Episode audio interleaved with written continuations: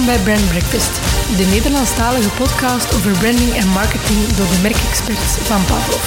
Schuif gezellig aan onze ontbijttafel vol interessante topics, concrete tips en boeiende gasten. En haal meteen meer uit uw eigen merk.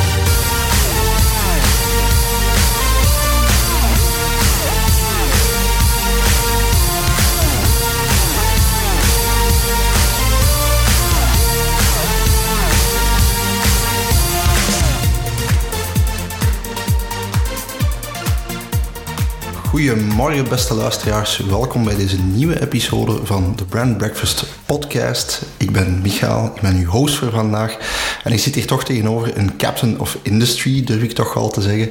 Uh, niemand minder dan Didier Ongena. Dag Didier. Goedemorgen. Goedemorgen. Uh, Didier is sinds 2018 aangetreden als algemeen directeur van Microsoft in België en Luxemburg. Op dat moment was hij nog niet aan zijn proefstuk toe, want hij viert intussen bijna zijn 20ste verjaardag, als ik me niet vergis. 19, bijna 19. 19 jaar toch al. Uh, want hij is in 2003 gestart bij Microsoft als uh, sales manager. Heeft door in de jaren diverse rollen op, op zich genomen. Didier heeft zijn achtergrond als handelsingenieur hij heeft daarvoor een opleiding genoten bij Solvay. En hij verdiende voor dat hij bij Microsoft aan de slag ging ook zijn streven al als senior auditor en als uh, manager bij Anderson Business Consulting. En hij heeft ook een tijdje als uh, Strategy and Business Development Director bij VRT gewerkt. Ik hoop dat ik daar alles mee gezegd heb. Oh, absoluut. Perfect. ja, een indrukwekkende cv natuurlijk. Die deed met een heel duidelijke rode draad natuurlijk. Die laatste bijna twintig jaar bij Microsoft. Kan ons misschien gewoon inleidend eens vertellen, wat spreekt u zo aan aan het merk Microsoft? Van waar die keuze destijds? Goh, ik zou zeggen twee... Um twee zaken. Eén, technologie. Technologie in het algemeen is toch een sector die uh, ongelooflijk uh, snel, uh, snel verandert. Ook meer en meer maatschappelijke impact heeft. Um, en Microsoft, ik heb altijd eigenlijk eerder willen werken aan de productkant ja. dan ja. aan de dienstenkant. Um, omdat dat dichter, is, uh, dichter staat bij, uh, bij innovatie. Ik denk dat je meer innovatie kan, uh, kan creëren door echt nieuwe oplossingen te bouwen, um, nieuwe platformen te bouwen, waar dat echt andere mensen dan mee aan de slag gaan. Mm -hmm. um, en Microsoft zeker vandaag, maar was toen al toch een van de, een van de namen die, die, die daarin belangrijk was. Ja. En ik moet ook zeggen, ook een beetje toeval. Um, uh, ze hebben mij bij Microsoft gewoon gecontacteerd. Okay, um, ja. en, um, en ze hebben eigenlijk gecontacteerd met het idee van: kijk, we zijn een, een technologie-company, maar we willen eigenlijk ook mensen die die met klanten kunnen, kunnen spreken over hun eigen transformatie, over hun eigen business, niet alleen over ja. technologie. Ja, ja. En dat is eigenlijk altijd een beetje de sweet spot geweest uh, van, van wat ik gedaan heb. Eigenlijk tussen, ja. tussen business en organizational change uh, enerzijds en dan technologie aan de andere kant. Ja, ik zie duidelijk de link inderdaad tussen klanten en technologische vooruitgang dat jullie daar willen gaan brengen. Als ik dan ga kijken naar de strategy van Microsoft, hoor ik daar heel vaak het woord digital transformation of digitale transformatie. Ja. Uh, kan je daar misschien iets over vertellen, wat jullie rol daar precies is? Hoe zien jullie dan de rol van Microsoft in dat verhaal? Maar ik zou misschien de nadruk leggen op, uh, op twee, uh, twee elementen. Eén, um, we zijn absoluut overtuigd dat technologie ons vooruit kan helpen als, als maatschappij en als economie. Um, en in die zin um, zien we gewoon dat veel organisaties, uh, vele bedrijven technologie intenser worden dan, dan, dan ja. vroeger en echt technologie gebruiken om, om hun eigen traject te gaan, uh, te gaan veranderen. Mm -hmm. um, dus dat is een algemene statement en dat is zeker al jaren aan, uh, aan de gang. En dan meer specifiek, uh, ook, ook nu in het recente verleden, uh, onder meer ja, de pandemie, de COVID-pandemie, heeft eigenlijk ja. getoond dat um, hoe, hoe meer technologie-intensiteit dat je hebt, hoe, um, ja, hoe, hoe, beter dat je eigenlijk ook in die crisissituaties uh, ja. door het leven kan, kan gaan. Um, en we hebben dat gezien zowel voor bedrijven die, of organisaties die, die op een andere manier gingen samenwerken, het, het fameuze hybrid work of, of thuiswerken, en nu een beetje tussen de twee vandaar het woord hybrid. Die new, um, way, of, new way of working. De new way, het, het, noemde, wij zijn eigenlijk bij Microsoft uh, in 2004 gestart uh, met de new way of working. Ja, um, uh, trouwens, dat is een ander onderwerp, maar trouwens, um, je, je merkt dat technologie daar één aspect van is, maar vooral cultuur en culturele verandering is daarin belangrijk. Maar het gaat niet alleen over hoe, hoe, dat werknemers samen gaan, gaan werken op een andere manier, maar het gaat ook contact met de klant. Contact met de klant is, is heel anders. Um, ja, elke organisatie, elk bedrijf heeft uh, op, zich op dat vlak ook moeten uh, eruit vinden um, om, om dat contact op een digitale manier te blijven onderhouden met die, uh, met die klanten. Um, en dus opnieuw de, de gemeenschappelijke draad is, is, is dat ja, technologie op een of andere manier uh, toch ook in, in moeilijke momenten. We, we zien het nu ook met de oorlog in, in Oekraïne ja. of, of zelf. Um, de overstromingen vorige zomer, hoe technologischer dat je bent als organisatie, hoe, hoe, hoe beter dat je bestand bent tegen die, um, tegen die schokken. Ja, absoluut. Ja. En misschien daarop op doorvragend, uh, uh, hoe ver denk je dat we vandaag daarmee staan met die technologische vooruitgang? Want ik hoorde jullie net zeggen, uh, ja, de COVID-pandemie bijvoorbeeld was een versneller. Hè. Heel veel bedrijven plots ingezien van goed, hè, bijvoorbeeld dat hybrid werken, dat is best wel haalbaar. We kunnen technologie gaan inzetten om ons werk ook makkelijker te maken, toegankelijker te maken. Anderzijds hoor ik ook wel bedrijven, particulieren, die soms zeggen van ja, het gaat eigenlijk wel wat snel of er wordt wel veel gesproken over technologische vooruitgang, over digitalisering, maar dat in de praktijk brengen, dat is toch niet altijd even gemakkelijk. Um, wat zijn jullie ervaringen of jouw ervaring daarmee? Hoe ver staan we vandaag, denk je? Ja, ik denk naar, naar, naar technologie en technologie-innovatie uh, kan ik alleen maar vaststellen dat het sneller en sneller gaat. Okay. Um, mocht je mij die vraag uh, vijf jaar geleden of tien jaar geleden uh, gesteld hebben, um, ja, zelfs sindsdien merk ik dat het gewoon, gewoon sneller en, en ja, dat altijd maar sneller gaat. Um, dus op dat vlak denk ik dat, dat, dat we ons ja, blijven, blijven aanpassen. Wat de pandemie ook getoond heeft, is dat, dat mensen zich ook heel snel kunnen aanpassen als het, als het, als het moet. Als het moet, ja inderdaad. Uh, een, een, van de voorbeelden die ik vaak geef is het gebruik van, uh, van Teams. Mm -hmm. um, voor het begin van de pandemie, dat fameuze weekend uh, van, of die fameuze vrijdag 13, mei, 13 maart, als ik mij niet vergis. Ja, we hadden ongeveer 250.000 unieke gebruikers op ja. Teams. Um, ja. ja. drie of vier weekends later hadden we er 2,3 miljoen. Um, mm -hmm. En dat zijn eigenlijk vooral bedrijven, organisaties uit de overheidssector en vooral ja, het onderwijs natuurlijk. Um, zonder dat type technologieën was afstandsonderwijs uh, absoluut uh, onmogelijk. Mm -hmm. En dan zie je dat mensen zich ook heel snel gaan, uh, gaan aanpassen. Um, ja. Nu, dat bewijst ook dat het vaak niet alleen of vaak niet vooral over technologie gaat, maar vooral over, over mensen, over cultuur, hoe ja. dat je daarmee gaat, ja, mee, mee omgaat. Um, nu, er is een ander aspect ook dat belangrijk is in, jullie, in, in je vraag, is inclusiviteit. Mm -hmm. je moet er wel voor zorgen als je nadenkt over technologie, dat je ook nadenkt over die inclusiviteit en dat je eigenlijk ook iedereen uh, meekrijgt. En dat is ook een van de redenen waarom we ook veel programma's doen rond, rond de digitale inclusie. Ja, um, ja. Want het is vaak niet die 95% van de bevolking die, die je mee moet krijgen, maar die laatste 5%. is wel belangrijk dat we die ook, die ook meekrijgen. Ja, je spreekt over inclusiviteit. Ik kan mij voorstellen, die reactie dat je soms wel eens hoort in de straat is van ja, um, we zijn aan het ontpersoonlijken, het is minder humaan aan het worden. Hè. Technologie creëert een barrière tussen mensen. Um, hoe sta je daar tegenover? Of hoe, hoe, moet een bedrijf daar volgens jou mee omgaan? Is, is er een manier om technologie op een menselijke manier in te zetten? Wel, we doen daar veel onderzoek rond. Hè. Okay. Um, ik, ik, er is een algemene statement uh, dat, um, dat belangrijk is dat hoe meer technologie op de achtergrond uh, verdwijnt, hoe beter de technologie in een zekere zin. Ja, Als de technologie ja, uh, in your face is, dan, dan is het vaak ook niet super gebruiksvriendelijk. Als de technologie eigenlijk verdwijnt, dan is het wel, wel beter. Het moet meer faciliteren eerder dan vervangen. Ja, ja, faciliteren, maar ook ja, het, moet heel, het, heel natuurlijk, ja. het moet natuurlijk zijn in de, in de, in de omgang. Um, nu, als we, als we daar even op inzoomen, we doen natuurlijk ook veel onderzoek hoe dat mensen omgaan met technologie. Als ik terug het, het voorbeeld neem van het hybrid werken wat we merken is dat ja, heel veel mensen ongelooflijk veel tijd voor dat scherm uh, doorbrengen. Ja, ja. Um, en, en als ik één misschien anekdote mag, mag vertellen. Um, ja, tot nu toe was het binair. Ofwel stond je camera aan en, en was je engaged, ofwel was je camera uit.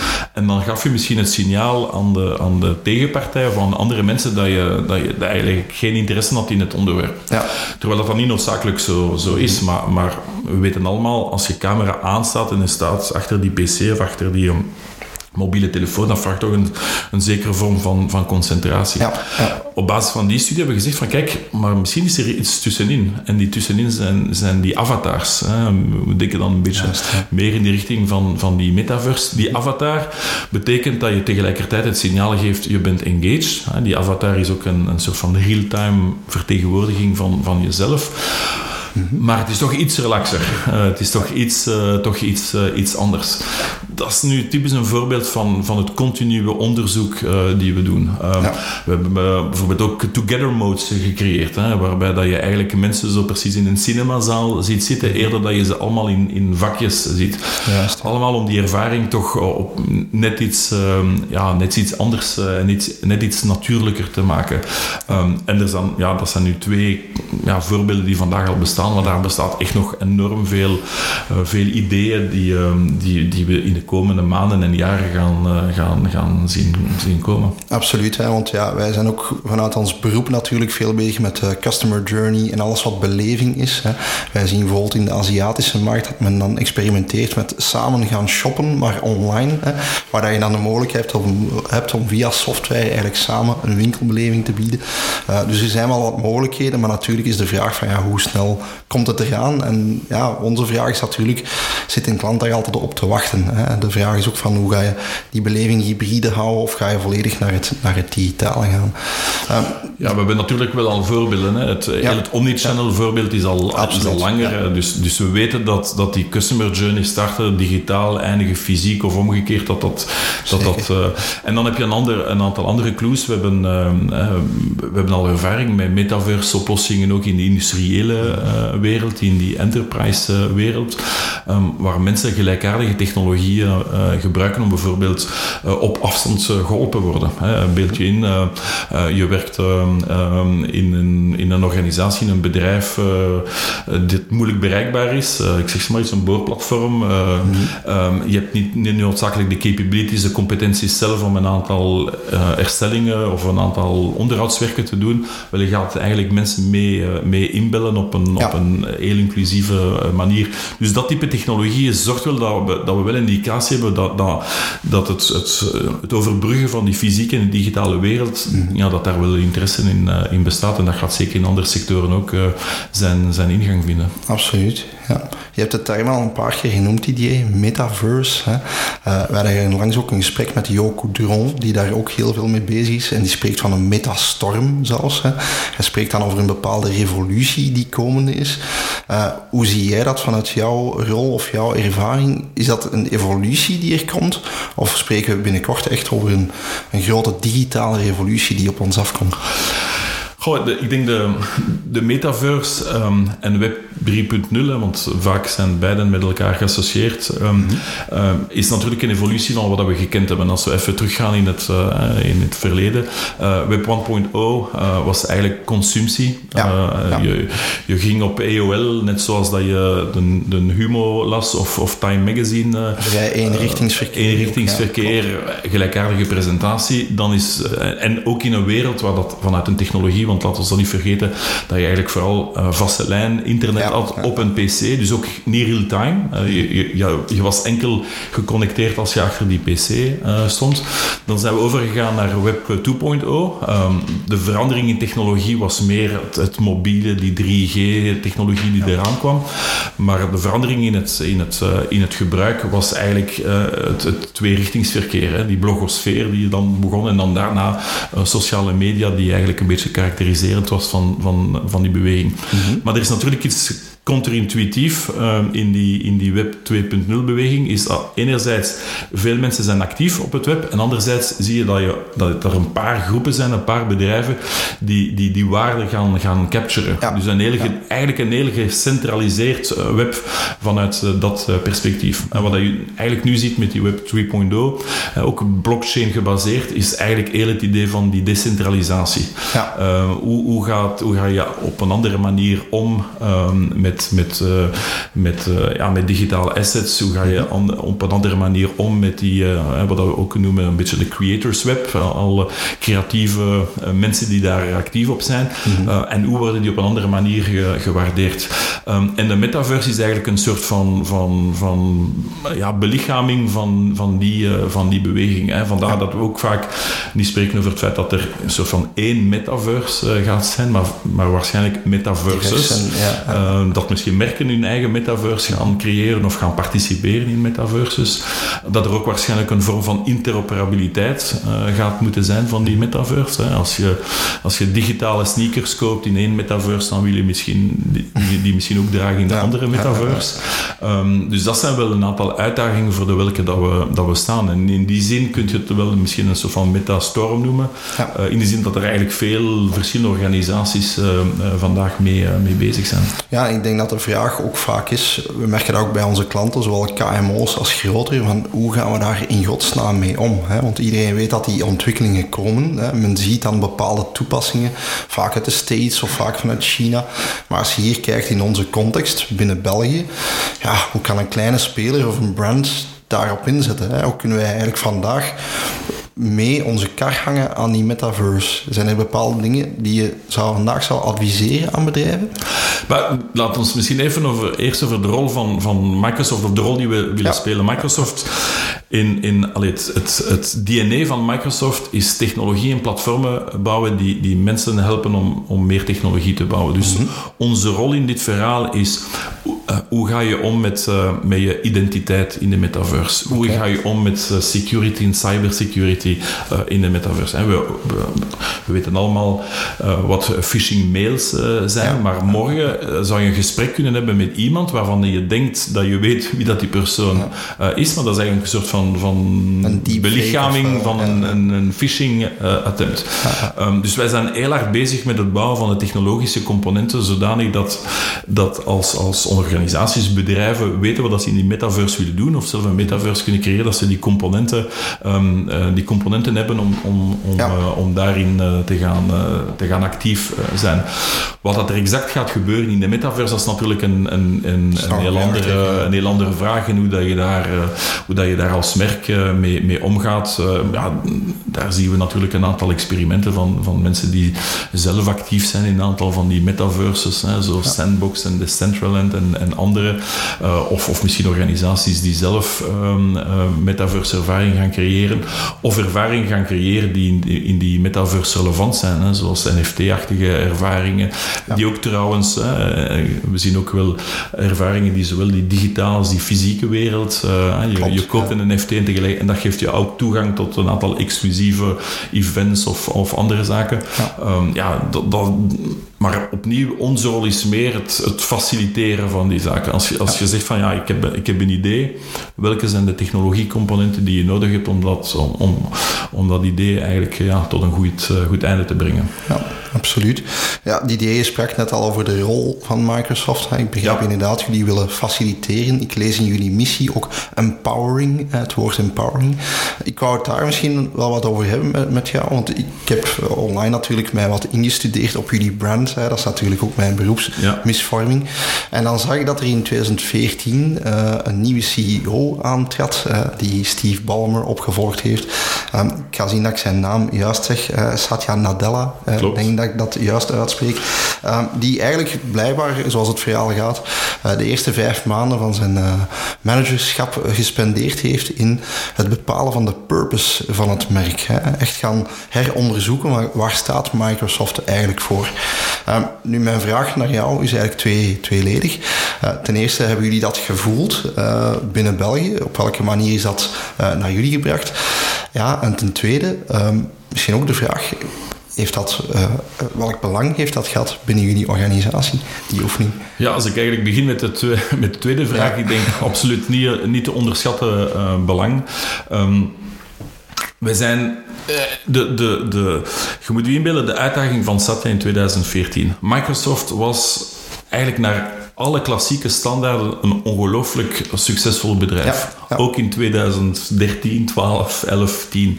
Um, we zijn blijven groeien. Zelf in, in 2008, 2009, in die crisisjaren, positieve cashflows.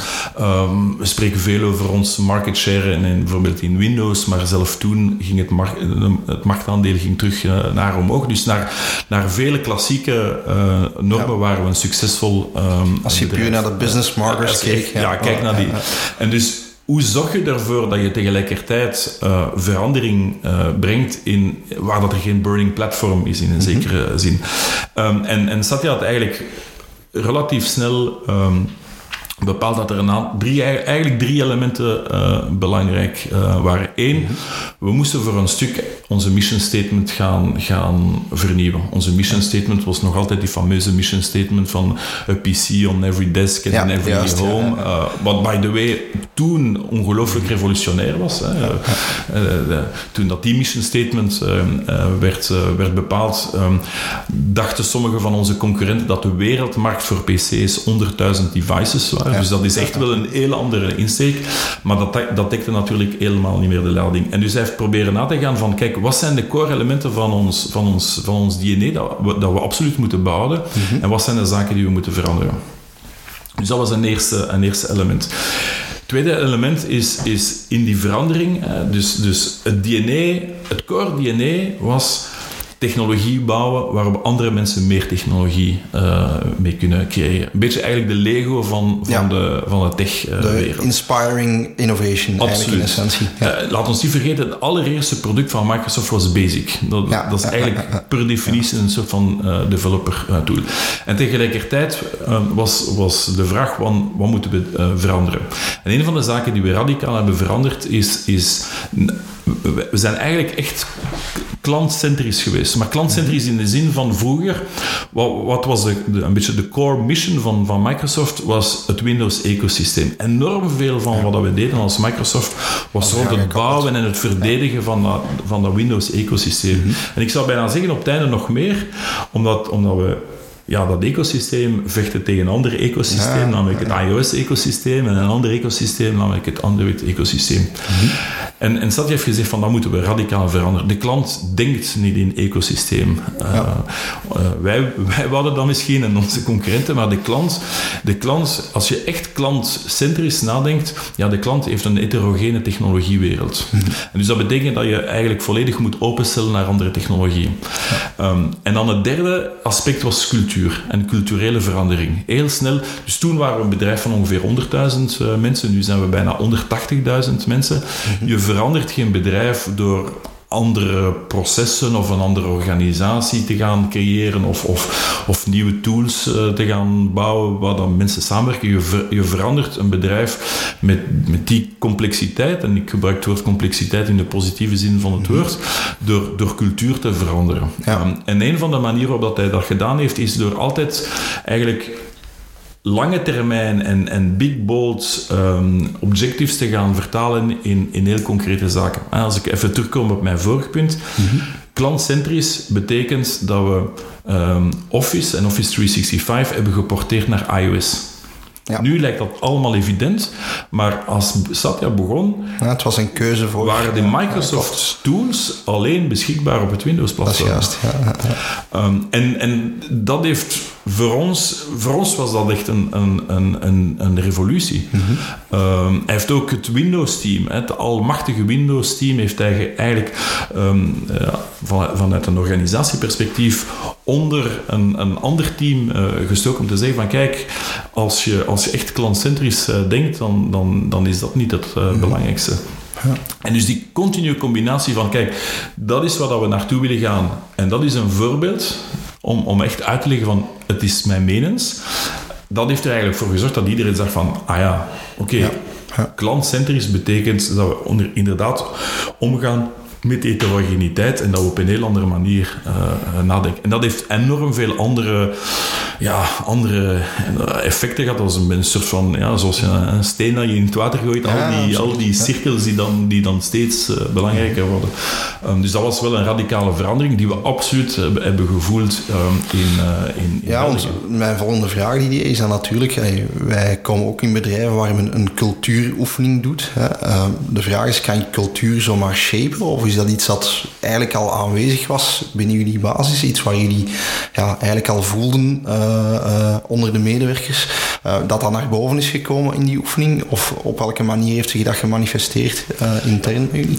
Ja, er waren natuurlijk componenten die, die al aanwezig waren. Dat is, mhm. dat is duidelijk. Maar ik denk waar dat we het goede evenwicht hebben gevonden is, is zoals ik zei, is wat is, wat is core in ons DNA en wat moeten we echt absoluut uh, behouden en wat moeten we uh, veranderen en dan mensen meekrijgen in de verandering.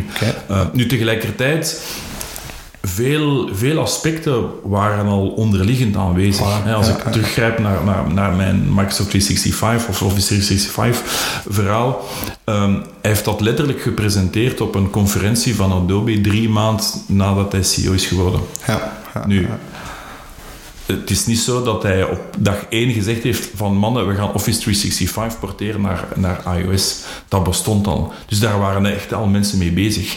Wat hij mogelijk heeft gemaakt, is dat die ideeën die, die er al waren, dat die plots, plots het zonlicht hebben, hebben gezien. En, heel duidelijk uitgesproken. En heel duidelijk uitgesproken. En dat heeft natuurlijk veel, veel, meer, uh, ja, veel meer mensen meegekregen. Ik herinner mij een, uh, meetings waar, dat, waar dat, um, Satya op aanwezig waren.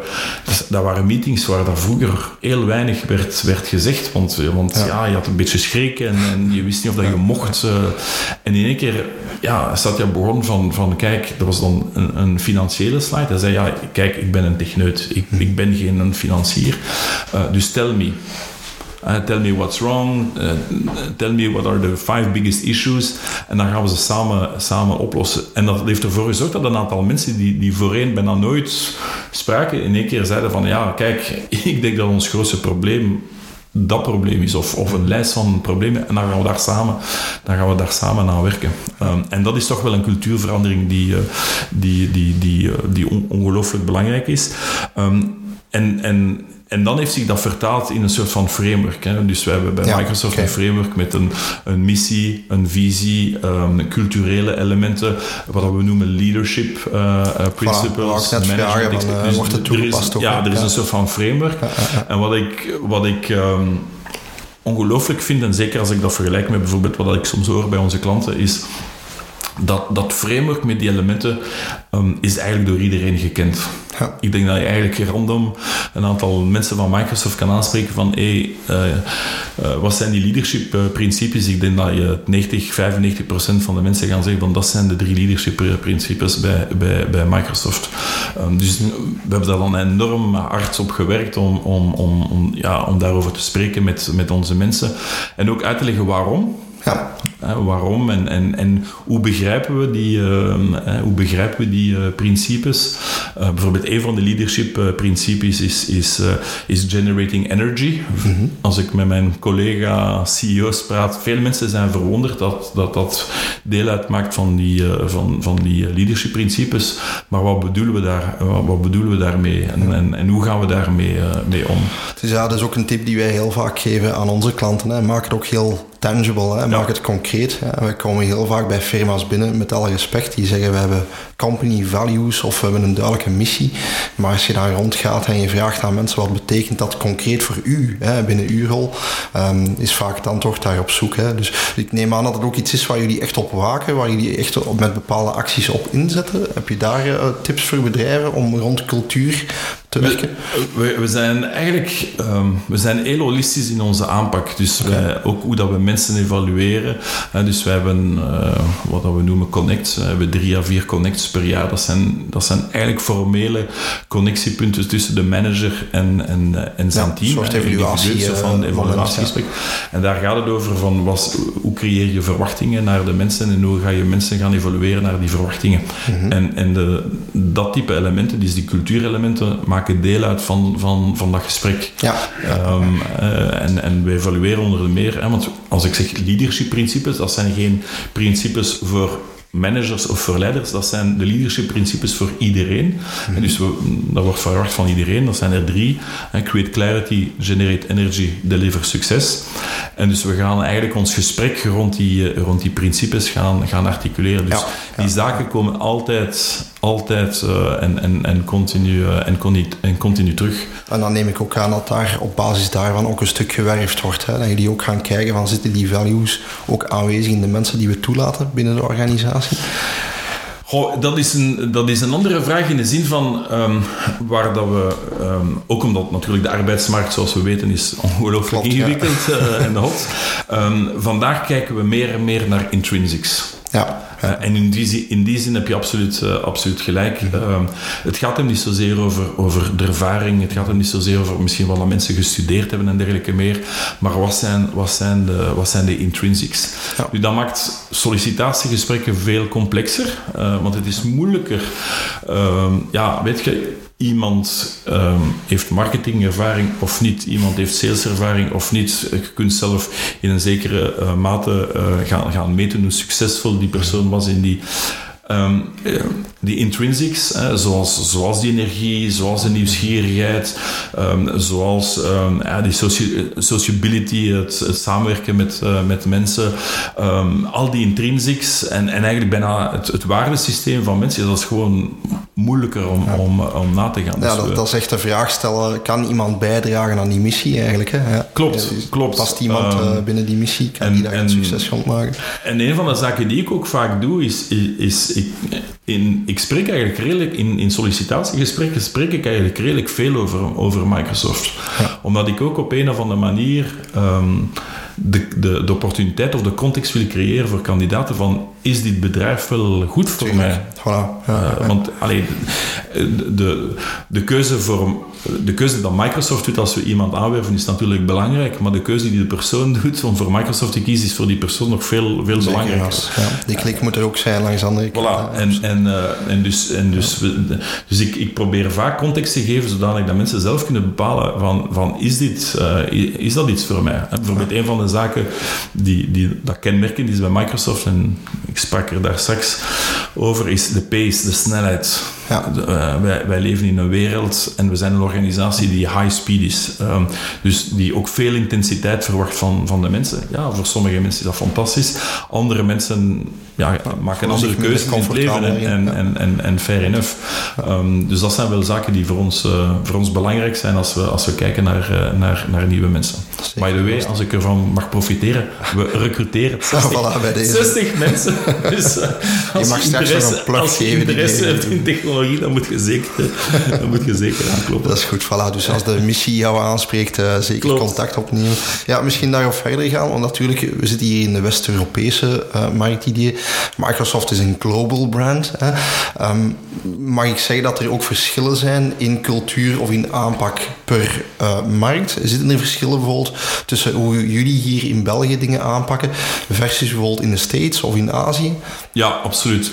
Um, ik zou zeggen, de, de, ik maak het onderscheid tussen de wat en de hoe. Uh, ja, ja. Dus de wat is overal hetzelfde. Ja. Uh, in de zin van, we worden verondersteld om overal de portefeuille van Microsoft te gaan, te gaan verkopen. Um, dus ik kan geen keuzes maken om te zeggen van hey, uh, Office 365 wel en Azure niet. Um, dus de wat, dat is natuurlijk, um, dat is natuurlijk uh, globaal bepaald. Hmm. Hoe dat we dat doen is natuurlijk helemaal, uh, helemaal anders. en, en daar vind ik een, een, een van de zaken die ik altijd superleuk heb gevonden bij Microsoft, is Microsoft is een heel gedecentraliseerde organisatie. Okay, ja. Dus ik, ik, ik ben country manager, ik, ik ik maak deel uit van een soort van club uh, van 52 country managers ja. wereldwijd. Ja, ja, dus sommige van die country managers uh, zijn, zijn uh, country managers van de US of van Japan mm. of van de UK. Um, en, en uiteraard hebben die misschien meer gewicht, maar tegelijkertijd um, heb ik altijd veel empowerment uh, gezien en, en, kunnen we eigenlijk veel, uh, veel, veel, zelf, zelf, veel zelf beslissen. Ja. Um, dus dat heb ik altijd, um, ja, dat is altijd een van de.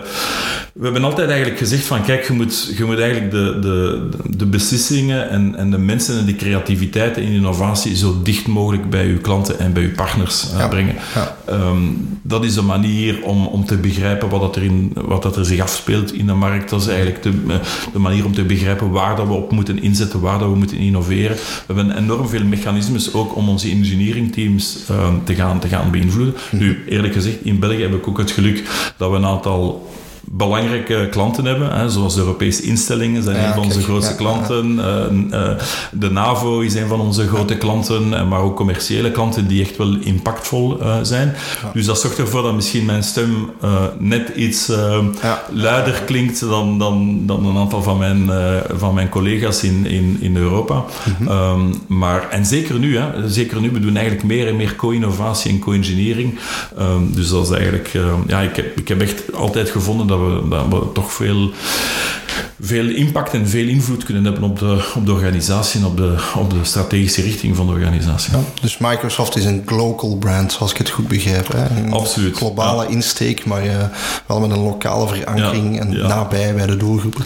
Ja, je ziet dat ook. Uh, ik hoop, anders hebben we onze job niet goed gedaan, maar um, we hebben recentelijk ook een, een redelijk uh, belangrijke investering aangekondigd in ons Digital Ambition Plan om ook datacenters in België te gaan neerpoten is een investering van tussen 1 en 1,5 miljard eh, eh, dollar. Ja, dat, is, dat is gekomen op basis van, van ja. business cases die we hier gedaan hebben. Dat is echt met Belgische partners voor Belgische um, uh, klanten. Dus dat is wel een, een soort van voorbeeld, misschien het topje van de ijsberg voorbeeld, maar wel een belangrijk voorbeeld van, van, van, van die empowerment die we hebben. Ja, in ieder geval inspirerend, denk ik. Want wij komen natuurlijk ook heel vaak bij klanten, zeker in het Brusselse en in Belgische context, die ja, afhangen van een hoofdhuis. Hè.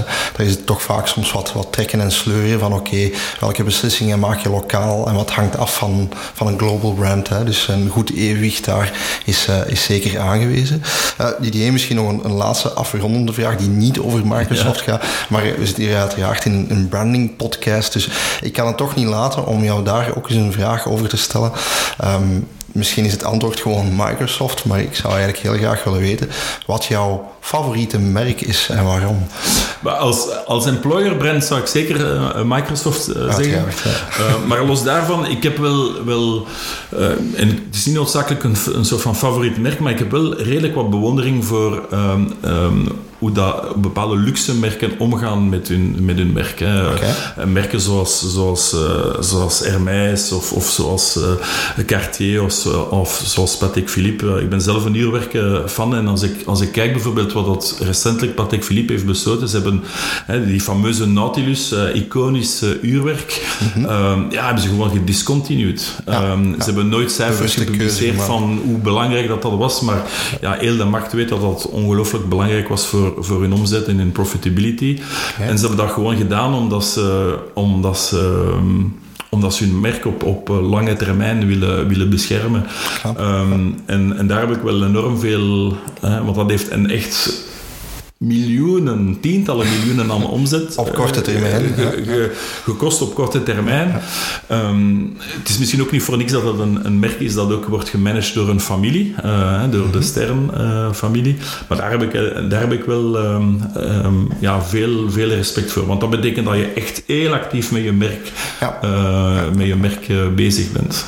Dus dat vond ik wel, vind ik wel een ja, Dat is een opvallend voorbeeld. Wij durven ook vaak zeggen dat merken die keuzes maken, dat dat vaak de sterkste merken zijn. Hè. Absoluut. Je merkt ook als je naar de, de most popular of de bekendste merken kijkt, zijn vaak merken die ook durven, hè, die ook lef hebben om uh, keuzes te maken, bepaalde dingen niet te doen, bepaalde doelgroepen niet te benaderen. Hè. Dus uh, ja, opvallende en interessante keuze. Ja, vooral uh, omdat er ook veel tegenvoorbeelden, absoluut, ja, ook veel tegenvoorbeelden zijn, ook onder meer in onze sector, waar, dat we, waar dat ik naar kijk en wat ik zeg van, kijk, wat, wat gaat er van dat merk overblijven binnen, binnen, binnen, een, paar, binnen een paar jaar? Zeker uh, dus uh, absoluut. Oké, Didier, ik wil jou heel erg bedanken hè, om uh, toch in een podcast te zitten die ja, misschien wat verder van jouw vakgebied staat, maar toch ook tegelijkertijd weer niet. Hè, want je hebt er, zoals ik het goed begrijp, heel veel invloed ook op.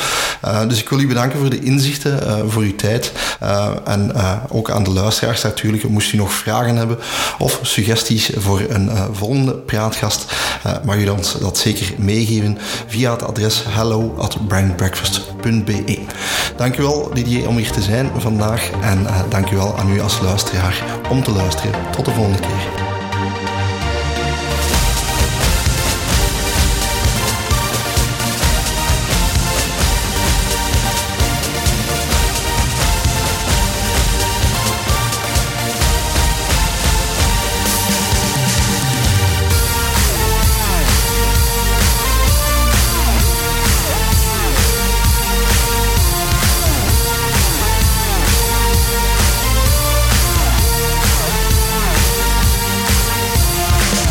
Was Brand Breakfast voor deze aflevering. Vergeet ons niet te liken of u te abonneren via uw favoriete app. Ontdek ook al onze andere episodes via brandbreakfast.be en discussieer mee via hello@brandbreakfast.be of onze sociale mediakanalen.